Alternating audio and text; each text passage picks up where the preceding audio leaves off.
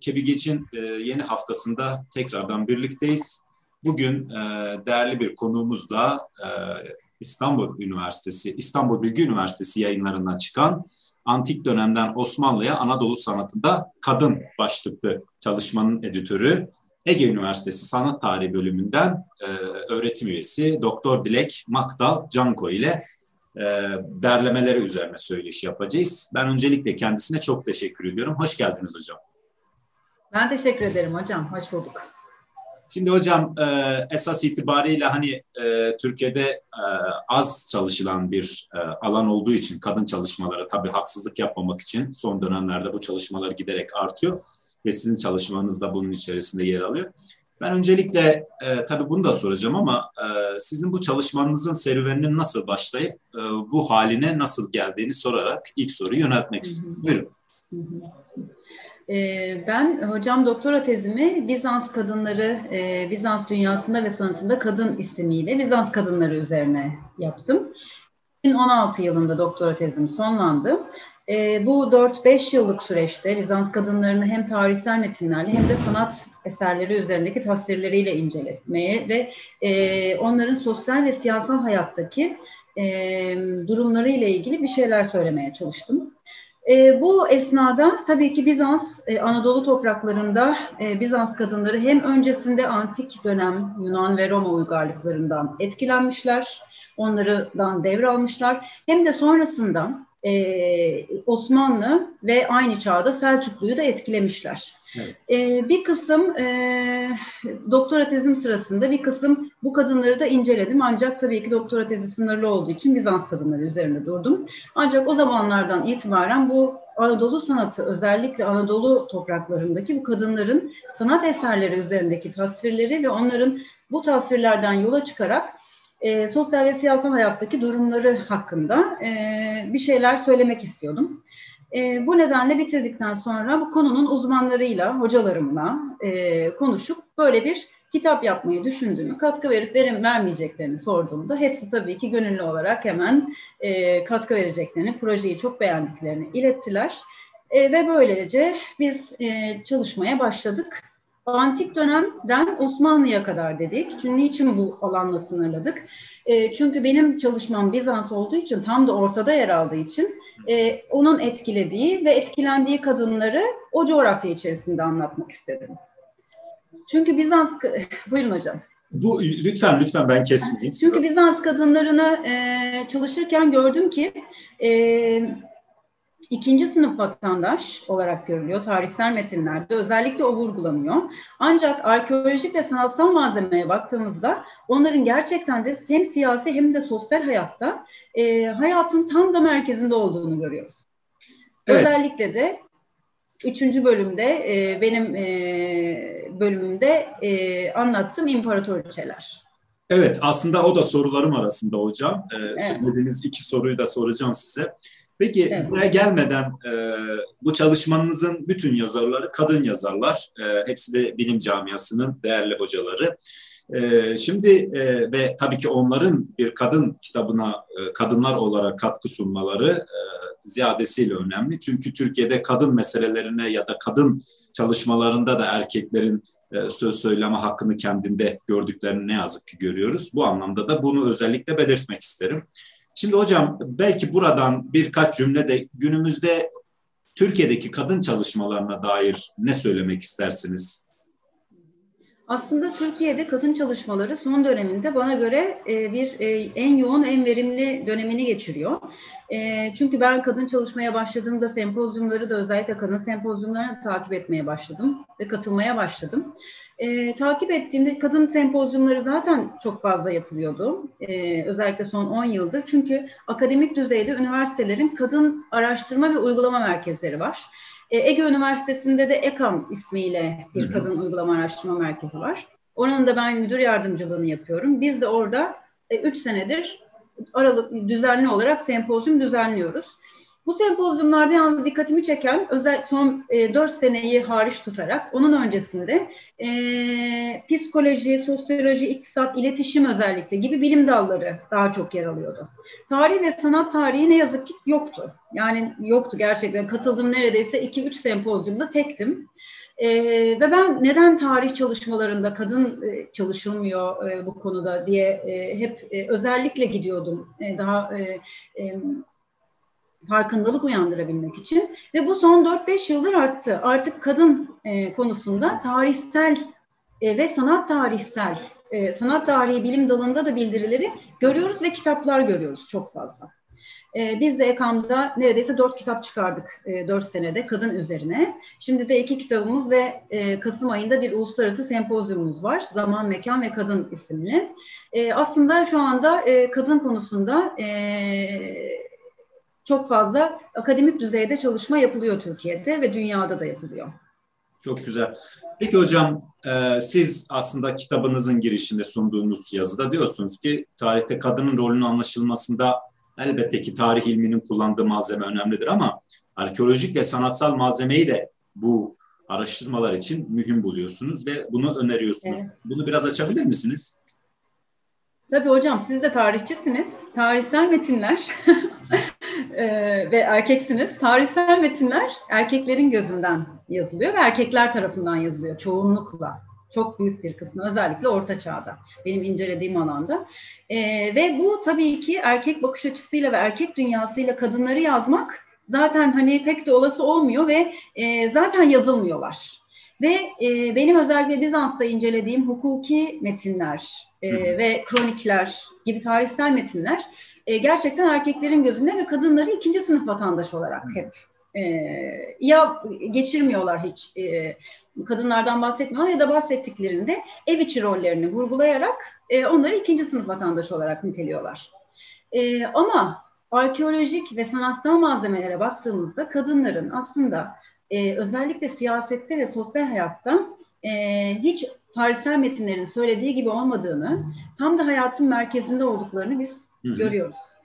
Yine ben e, e, incelediğim dönemden bir örnek vereyim. E, Bizans döneminde kroniklere baktığımızda, hukuki metinlere baktığımızda özellikle e, kadınlar hep ikinci sınıf vatandaştır. E, hakları çok sınırlıdır, yapabilecekleri belirlenmiştir ve onlara sadece ev içindeki rol ayrılmıştır.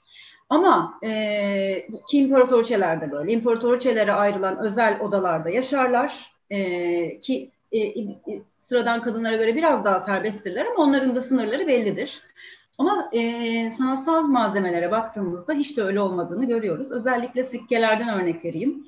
E, sikkeler e, de imparator ve imparatoriçe e, neredeyse her dönemde e, evet bunu tercih etmeyen imparatorlar var. Ama neredeyse her dönemde e, imparator ve imparatorça ön yüzde birlikte e, eşit seviyede. Çünkü e, sikke ikonografisinde aynı seviyede olmaları ya da ellerin üstte veya altta olmaları bize bir şeyler söylüyor.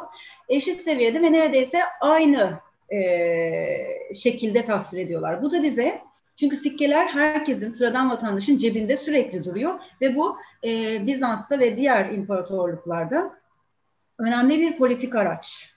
E, imparatorun yüzünü benimsetmesi için önemli bir politik araç olarak kullanılıyor e, Orta Çağ'da e, ve e, imparatoriçenin bu sikkeler üzerinde olması bize aslında imparatoriçenin politik hayatta da çok önemli rolü olduğunu söylüyor. Hı hı. Ama tarihsel metinler bunu söylemiyor. Şimdi hocam e, çalışmanın güzel bir yanı da aslında çok iyi bir görsel malzemesi var. Her makaleye neredeyse serpiştirilmiş ve yazarlar meramını anlatırken de aslında görsel malzemeyle de ilişki kurarak evet. daha da iyi anlayabiliyor. Şimdi ben e, belki bir kronolojik seyir halinde makalelerin seyri üzerine birkaç soru sormak daha istiyorum. Şimdi mesela e, ilk makale işte antik çağ Roma'da kadının görün, görünürlüğü ve toplumsal rolüne dair e, bazı hususlardan bahsediyor. Ve aynı zamanda antik Yunan ve Anadolu'yu da görüyoruz. E, acaba buna dair ne söyleyebiliriz? Ve sanki ben şunu gördüm. Hani Anadolu'daki kadının görünürlüğü diğer yerlere nazaran kamusal alanda daha mı fazla? E, ben de yanlış anladım. Buyurun. Evet hocam. İşte arkeolojik ve sanatsal malzemeyi kullanırsak kadının görünürlüğünü arttırıyoruz. Amacımız da tamamıyla buydu bu kitapta. E, bu malzemelerle kadının görünürlüğünü arttırmak. E, şimdi kronolojik sıralamayla gittik biz kitapta da. İlk bölümümüz e, antik dönemde e, kadın Anadolu'da kadın. E, bunu da e, bu bölümü Profesör Doktor Nuran Şahin hocamız yazdı. Hocamız Ege Üniversitesi'nden emekli öğretim üyesi e, ve Antik Dönemde Anadolu'da Kadın isimli kitabı da var kendisinin. E, o e, bölümünde de belirttiği gibi e, aslında e, Yunan'da da, e, Antik Yunan'da da e, kadının görevi evlilik yapmak, çocuk doğurmak, ev işlerini yapmak olarak sınırlandırılmıştı gene ideolojik olarak ve tarihsel metinlere baktığımızda. E, ama kadınların gerek siyasette gerekse sosyal yaşamda tüm ideolojik e, görüşlere, düşüncelere rağmen aktif olmayı başardıklarını, kendilerine özel bayramlar yarattıklarını, çeşitli dini görevler aldıklarını, yönetici olduklarını ve hekim gibi önemli mesleklerde bulunduklarını hocamız e, belirtiyor. E, yönetici olarak e, kadınların önemli e, görevleri olduğunu na dair özellikle üzerinde durmuş hocamız. Evet. Yani ben... Ayrıca ben şunu da ikinci makalemizi de bahsedeyim çok kısa. Lütfen, ee, Serap Gül Kalaycıoğulları e, tarafından yazıldı e, doktor öğretim üyesi. E, o da e, Roma'da kadını inceledi ve e, hoca ile yine aynı bulguları tespit ettik. Roma'da da kadının siyasette e, olan gücü e, yüksek. Evet yani ben e, o makaleyi okurken işte Pandora'dan Lilith'e, oradan Havva'ya, Helena'ya kadar e, o değişim dönüşümün e, tarihsel metinlerde, e, arkeolojik malzemede, dinsel e, kurguda, inşada işte kadının nasıl e, efendime söyleyeyim böyle bir kötülük nesnesi haline getirildiğini, sonradan nasıl farklı boyutlara evrildiğini, farklı algılandığına dair ziyadesiyle müstefit kaldım bu çalışmadan, yani bu makale bölümünde. Peki hocam bu kitabınızın üçüncü bölümü de aslında sizin doktora tezinizdeki verileri esas alarak e, oluşturduğunuz bir bölüm. E, belki biraz ana başlıklarıyla e, hem doktora tezinizi de bu vesileyle yad etmiş oluruz. E, ona dair ne söylemek istersiniz? Hı hı. Doktora tezimin belki de en eğlenceli, en verimli kısmını anlattım burada. E, çünkü imparatoriçelere değindim. İmparatoriçeler e, hem tarihsel metinlerde hem de görsel kayıtlarda e, en çok karşımıza çıkan e, kadın karakterler aslında. Hı hı. E, çünkü Bizans'ta, Orta Çağ'da e, kad, sıradan kadınlar üzerine çok böyle kronikler içerisinde e, cımbızla çekip alıyoruz. E, ve e, görsel kayıtta da öyle. E, ana kompozisyonun arkasından görebiliyoruz. Ama imparatoriçeler ve dini e, dini figürler üzerine e, tasvirler çok fazla. İmparatorçelerin bu tasvirlerine baktığımızda biraz önce de söylediğim gibi siyasette özellikle sikkeler bize e, çok yol gösteriyor, mühürler yol gösteriyor, e, duvar resimleri yol gösteriyor, e, mozaikler yol gösteriyor bu, ve minyatürler e, yol gösteriyor. Bunlara baktığımızda hepsinin aslında e, imparatorun yanında imparatoriçenin e, varlığını ve mesela biraz önce gösterdiğiniz minyatürde e, sanırım o. Kutsal ışık e, imparator ve imparatoriçenin üzerine e, değiyor. Yani Tanrı'dan gelen kutsal ışık sadece imparatora değil, imparatora değil, imparatoriçeye de gidiyor. Yani e, bu demek oluyor ki biz bunu biliyoruz tarihsel metinlerden de. E, imparator Tanrı'nın yeryüzündeki temsilcisidir. Hı hı. İmparator Tanrı olarak görülür. Ama e, ben imparatoriçenin de tanrıça olarak görüldüğünü e, aslında e, biraz iddialı bir şey ama hani tarihsel bir verimiz yok burada ama e, sanat tarihi kayıtları bunu gösteriyor. E, ta, İmparatoriçe'de e, imparatorun yanında bu şekilde tasvir edilmesi, eşit seviyede ve e, aynı şekilde tasvir edilmesi imparatorla birlikte e, Tanrı'nın yeryüzündeki temsilcisi olarak onu da görebileceğimizi düşündürtüyor.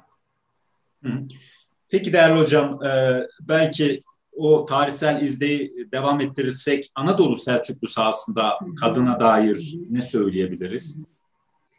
Anadolu Selçuklu e, konusunda Selçuklu konusunda sanat tarihçisi olan e, doçent doktor Sema Gündüz Küskü hocamız yazdı. O da çok uzun bir e, çalışma yaptı. E, çünkü biz bu çalışmaya 2016 yılında başladık, 2021 yılında yayınladık. E, her, her hepimiz çok uzun çalışmalar e, yaptık. Yaptım. Ve Büyük Selçuk onun da belirttiği üzere e, bölümünde Büyük Selçuklu döneminde hükümdar eşi veya annesi olan hatunlar devlet idaresini yönetmişler. Hatta imanları dahilinde iktidar mücadelesine bizzat katılmışlar. Bunu biliyoruz. Tarihsel metinler ve e, görsel kayıtlar bize bunu gösteriyor. Ama Anadolu Selçuklu dönemine geldiğimizde kadınların siyasi hayata katkılarının azaldığını ve bu katkının daha çok siyasi evlilikler yoluyla olduğunu e, görüyoruz. Görüyoruz.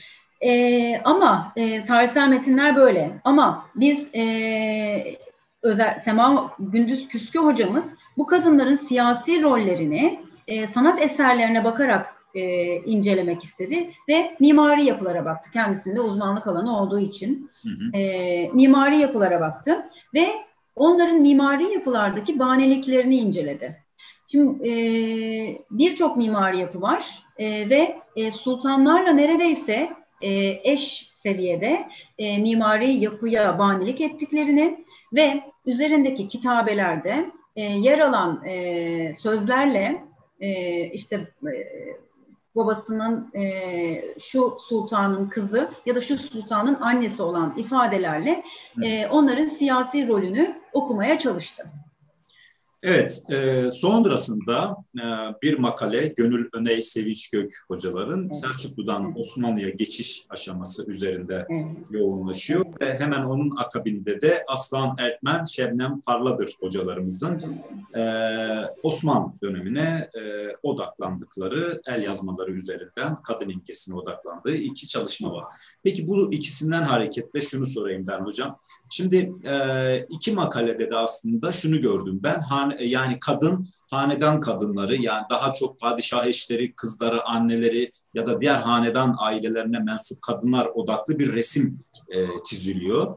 Ee, acaba e, bütün e, yani bu eldeki malzeme istinaden söylüyorum. Hocalarımız da bunu buna dair bir değerlendirme yapmışlar. Osmanlı sahasında kadının görünürlüğü ya da pozisyonu konumuna dair bu e, belgeler e, çizimler bize neyi anlatıyor? Hı hı. Hı hı. E, ilk makalede söylediğiniz gibi hem Selçuklu hem de Osmanlı e, kadınını seramikler üzerinden inceledik bu sefer. Seramik tamam e, mimari e, eserler bize bunu söylüyor ama seramikler ne söylüyor diye önce Selçuklu'ya baktı hocalarımız. E, Selçuklu'da da e, aynı şekilde kadın tasvirinin çoğunlukla hanedan kadınlarına ait olduğunu ve e, hanedan kadınlarının imparatorla eş seviyede tasvir edildiklerini gördü. Ama Osmanlı'ya geldiğimizde Osmanlı'daki muhafazakar yapının seramiklere de yansıdığını ve figürlü kompozisyonlarında kadının e, az yer bulduğunu e, tespit ettiler. Müzisyen kadınlar üzerine e, tasvirler bulunuyor ama hanedan kadınları üzerine tasvirler seramikler üzerinde ne yazık ki çok az e, karşımıza çıktı. Ancak iki, ikinci makale peki tamam seramikler üzerinde tasviri az e, bu muhafazakar yapı nedeniyle belki de başka bir nedenle e, hanedan kadınlarını başka hangi eserler üzerinde görebiliriz diye baktığımızda bu sefer minyatürlere yöneldik. E, çünkü tasvir olabilecek Osmanlı'da seramik ve minyatür e, iki e, sanat eseri, e, sanat dalı. E, minyatürlere baktığımızda hanedan kadınlarını orada görebiliyoruz. Diğer sıradan kadınları da görebiliyoruz. İşte yine müzisyen kadınlar en çok karşımıza çıkan e, kadın figürleri oluyor orada da. Ancak hanedan kadınlarını da e, minyatürlerde görebiliyoruz. Onların da e, yine Osmanlı'nın muhafazakar yapısı e, nedeniyle e, daha e, muhafazakar tasvir edildiklerini görüyoruz orada da minyatürler üzerinde. Şimdi kitabınızın kapağını göstereyim ben. E, bu, bu kapak resmi e, Seda Ağırbaş'ın e, kadın seyyahların izlenimlerinde ve Osman oryantalist tablolarda Osmanlı kadını e, eğitimi ve öğretimi başlıklı makalesinden alınmış. Evet. Ve bu resimde Cariyeli Saz takımı 17. yüzyıla ait bir 17. E, pardon 17. yüzyıla ait bir resim. Altında bilgisini de vermiş hocamız. E, tabii farklı görseller de var. E, nasıl ki sizin çalışmanız e, efendime söyleyeyim kadın yazarlardan oluşuyor. e, hocamız da, Seda hocamız da aslında 19. yüzyıldaki kadın seyyahların gözüyle Osmanlı kadınını ele almış. E, bu da ilgi çekici bir şey, e, evet. makale, bölüm olmuş. E, peki buna dair belki son soru olarak buna dair ne söylersiniz hocam? Yasin Hocam şimdi ikidir vurguluyorsunuz. Ben de unutmadan hemen söyleyeyim. Sonunda söylerim diyordum ama şimdi söyleyeyim. E, farkında olmadan kadın yazarlar seçmişiz. Öyle yani mi? bu çok ilginç bir şey. Hatta biz bu çalışmayı yaptıktan sonra e, hocalarımdan bir tanesi dedi ya dedi biz hepimiz kadınız dedi. Biz toplu bir fotoğraf çektirmeliyiz dedi yani en azından hani kitap için veya e, gerçekten sonra baktım da özellikle seçilmedi. Ama bir de şu var galiba kadın çalışmalarında daha çok kadınlar çalışıyor. E, yani büyük bir çoğunluğu kadın. E, özellikle seçmedik ama öyle denk geldi bizde. Ama şunu da söyleyebilirim tabii ki kadın. E, erkekleri daha çok bekliyoruz bu mecraya kadın çalışmaları konusunda. E, erkeklerin de çalışması. Biz mesela EKAM'da yaptığımız sempozyumlarda ve kitaplarda özellikle erkek e, akademisyen e, hocalarımızı e, şey gönderiyoruz, davet gönderiyoruz. E, buradan da bir çağrı olmuş olsun. Şimdi Seda hocamızın en son bölümümüz Seda e, Ağırbaş hocamızın e, kendisi doktora tezini e, Osmanlı'ya gelen Mary Adelaide Walker isimli İngiliz bir seyyah e, üzerine yaptı. Onun eserlerindeki Osmanlı e, dünyasını inceledi ve burada da e, Özellikle onun eser, onun eserleri başta olmak üzere diğer e, seyyahlara da baktı. Osmanlı kadınını yazdı. Şimdi kadın seyyahların şu şöyle bir o dönemde birçok seyyah geliyor Osmanlı'ya ve erkekler de kaleme alıyor ama yine onların gözünden oluyor. Ama kadın seyyahların önemi Osmanlı kadınını bir kadın gözünden anlatmaları ve daha da önemlisi e, erkekler hareme giremediği için onlar hareme girebiliyor. Mary Adelaide Walker da hareme girmiş bir e, gezgin. E, haremde gördüklerini de e, yazmış. Onlar da bize yol gösteriyor. E, ve oryantalist tablolarda e, onların onun yazdıklarına yol gösteriyor. Yani aslında Osmanlı kadını e, yabancı dil öğrenen, okuyan, e, Kur'an okuyan, kitap okuyan, e, yabancı dil bilen, müzik yapan, e, enstrüman çalan, e, çok da eğitimli ve kültürlü e, kadınlardı. Özellikle haremdekiler. Şimdi, buyurun, buyurun hocam. Buyurun hocam. Seda ben... hocamızın en son e, en son e, yazdıklarını ben e, onun e, söylemiyle okumak istiyorum izin verirseniz hocam. Lütfen, lütfen. E, çünkü o kadar iyi ifade edemeyebilirim Seda hocamız kadar. Osmanlı ülkesini ziyaret etmiş erkek seyyahlardansa kadın seyyahların anlatımlarında kadının haremde iyi bir eğitimden geçtiğini okuyup batılı oryantalist yaşamdan farklı bir şekilde ele alındığına tanık olmaktayız. Kadın seyyahların söylemleri doğrultusunda Osmanlı kadının haremde sadece eğlenip günlü gün etmediğini, Kur'an okuyup ibadetlerini yerine getirdiğini, dini eğitimin yanı sıra müzik ve dans gibi sanatsal faaliyetlere de katıldığını, nakış işlemeye, yabancı dil öğrenmeye önem verdiğini görmekteyiz. 19. yüzyılın ortalarından itibaren tanzim, tanzimatla birlikte Batı tarzında eğitim Osmanlı hareminde rağbet görmüş, gerek sultan kızları, gerek daha alt sürme kadınları yabancı dil öğrenmek, batı enstrümanları çalmak ve tiyatro, bale, dans gibi sahne sanatlarını öğrenmekte gecikmemişlerdir. Aynı şekilde buradaki e, özellikle yoğun olarak kullanılan e, resimlerle e, bunu da bu söylemi de aslında kanıtlamış oluyoruz. Şimdi ben kadın vurgusunu e, siz tesadüfen e, oldu dediniz. Aslında ben bunu çok e, daha önemsediğim için özellikle belirtmek istiyorum. Çünkü siz de aslında bir şekilde ifade ettiniz tarih ya da e, bilim alanında e, erkeğin o e, hegemonik bakış açısının birçok şekilde her alana sirayet ettiğini görüyoruz ve belki de aslında kadınların özellikle tarih gibi işte sanat tarihi gibi ya da arkeoloji gibi alanlarda da bir erkek hegemonyasının tesis edilmesinden ötürü kadınların kendilerini e, bilimsel olarak araştırmalarını da ziyadesiyle önemsiyorum ve belki bu anlamda daha da verimli bir iş olmuştur. Bunu erkeklerin çok da yapabileceklerini de zannetmiyorum. Çünkü dediğiniz gibi hocam o e, erkek hegemonik bakış açısı bir şekilde e, bu çalışmalara ne yazık ki sıraya... Aslında kadınlar kendi tarihlerini araştırıyorlar. Bunu da vurgulamadan edemeyeceğim. Çünkü erkekler bunu yapmıyorlar. E, Kesinlikle. Hep e, yani yüzyıllar boyunca ataerkil düşünceyle ve o bakış açısıyla e, sadece kendi dünyalarını ve hı hı. bulundukları ortamı kaleme almışlar. E, ama kadınlar e, geriye dönüp baktıklarında özellikle sanat eserleriyle bunları görüyorlar ama çok önemli bir tarihleri var e, onları yazma çabası aslında hepimizin yaptığı. Evet ve tarih hep böyle savaşlar, e, mükerrer olaylar, hadiseler, e, askeri boyutu, siyasi boyutuyla e, ifade ediyor. Bu da erkek düşüncesi hocam, erkek bakış açısı. ya kadınlar bir şey yazdıklarında savaşları e, zor yazıyorlar. Tamam Anna Komnena yazmış ama babası e, babasını yazmak için yazmış. Direkt savaşı yazmamış e, babasının dünyasını yazmak için yazmış. Ama kadınların bambaşka bir bakış açısı var ve bu e, dünyada e, yüzyıllardır, bin yıllardır birlikte yaşıyoruz. Toplumun yarısını biz oluşturuyoruz ve bizim bakış açımızın da e, artık hem tarihinin hem de günümüzün e, yazılması önemli diye düşünüyoruz hocam. Tebrik ediyorum hocam. Ee, sizin huzurunuzda bütün yazarlarınızı e, da tebrik ediyorum. Çok e, üretken ve lütfü bir çalışma olmuş. Ee, bugün e, Ege Üniversitesi Sanat Tarihi bölümünden Doktor Dilek Maktal Canko ile derlemiş olduğu antik dönemden Osmanlı'ya Osmanlı e, Anadolu sanatında kadın İstanbul Bilgi Üniversitesi yayınlarına çıkan e, çalışması üzerine bir söyleşi gerçekleştirdik. Çok teşekkür ediyorum kendisine programımıza katılımı da kabul ettiği için.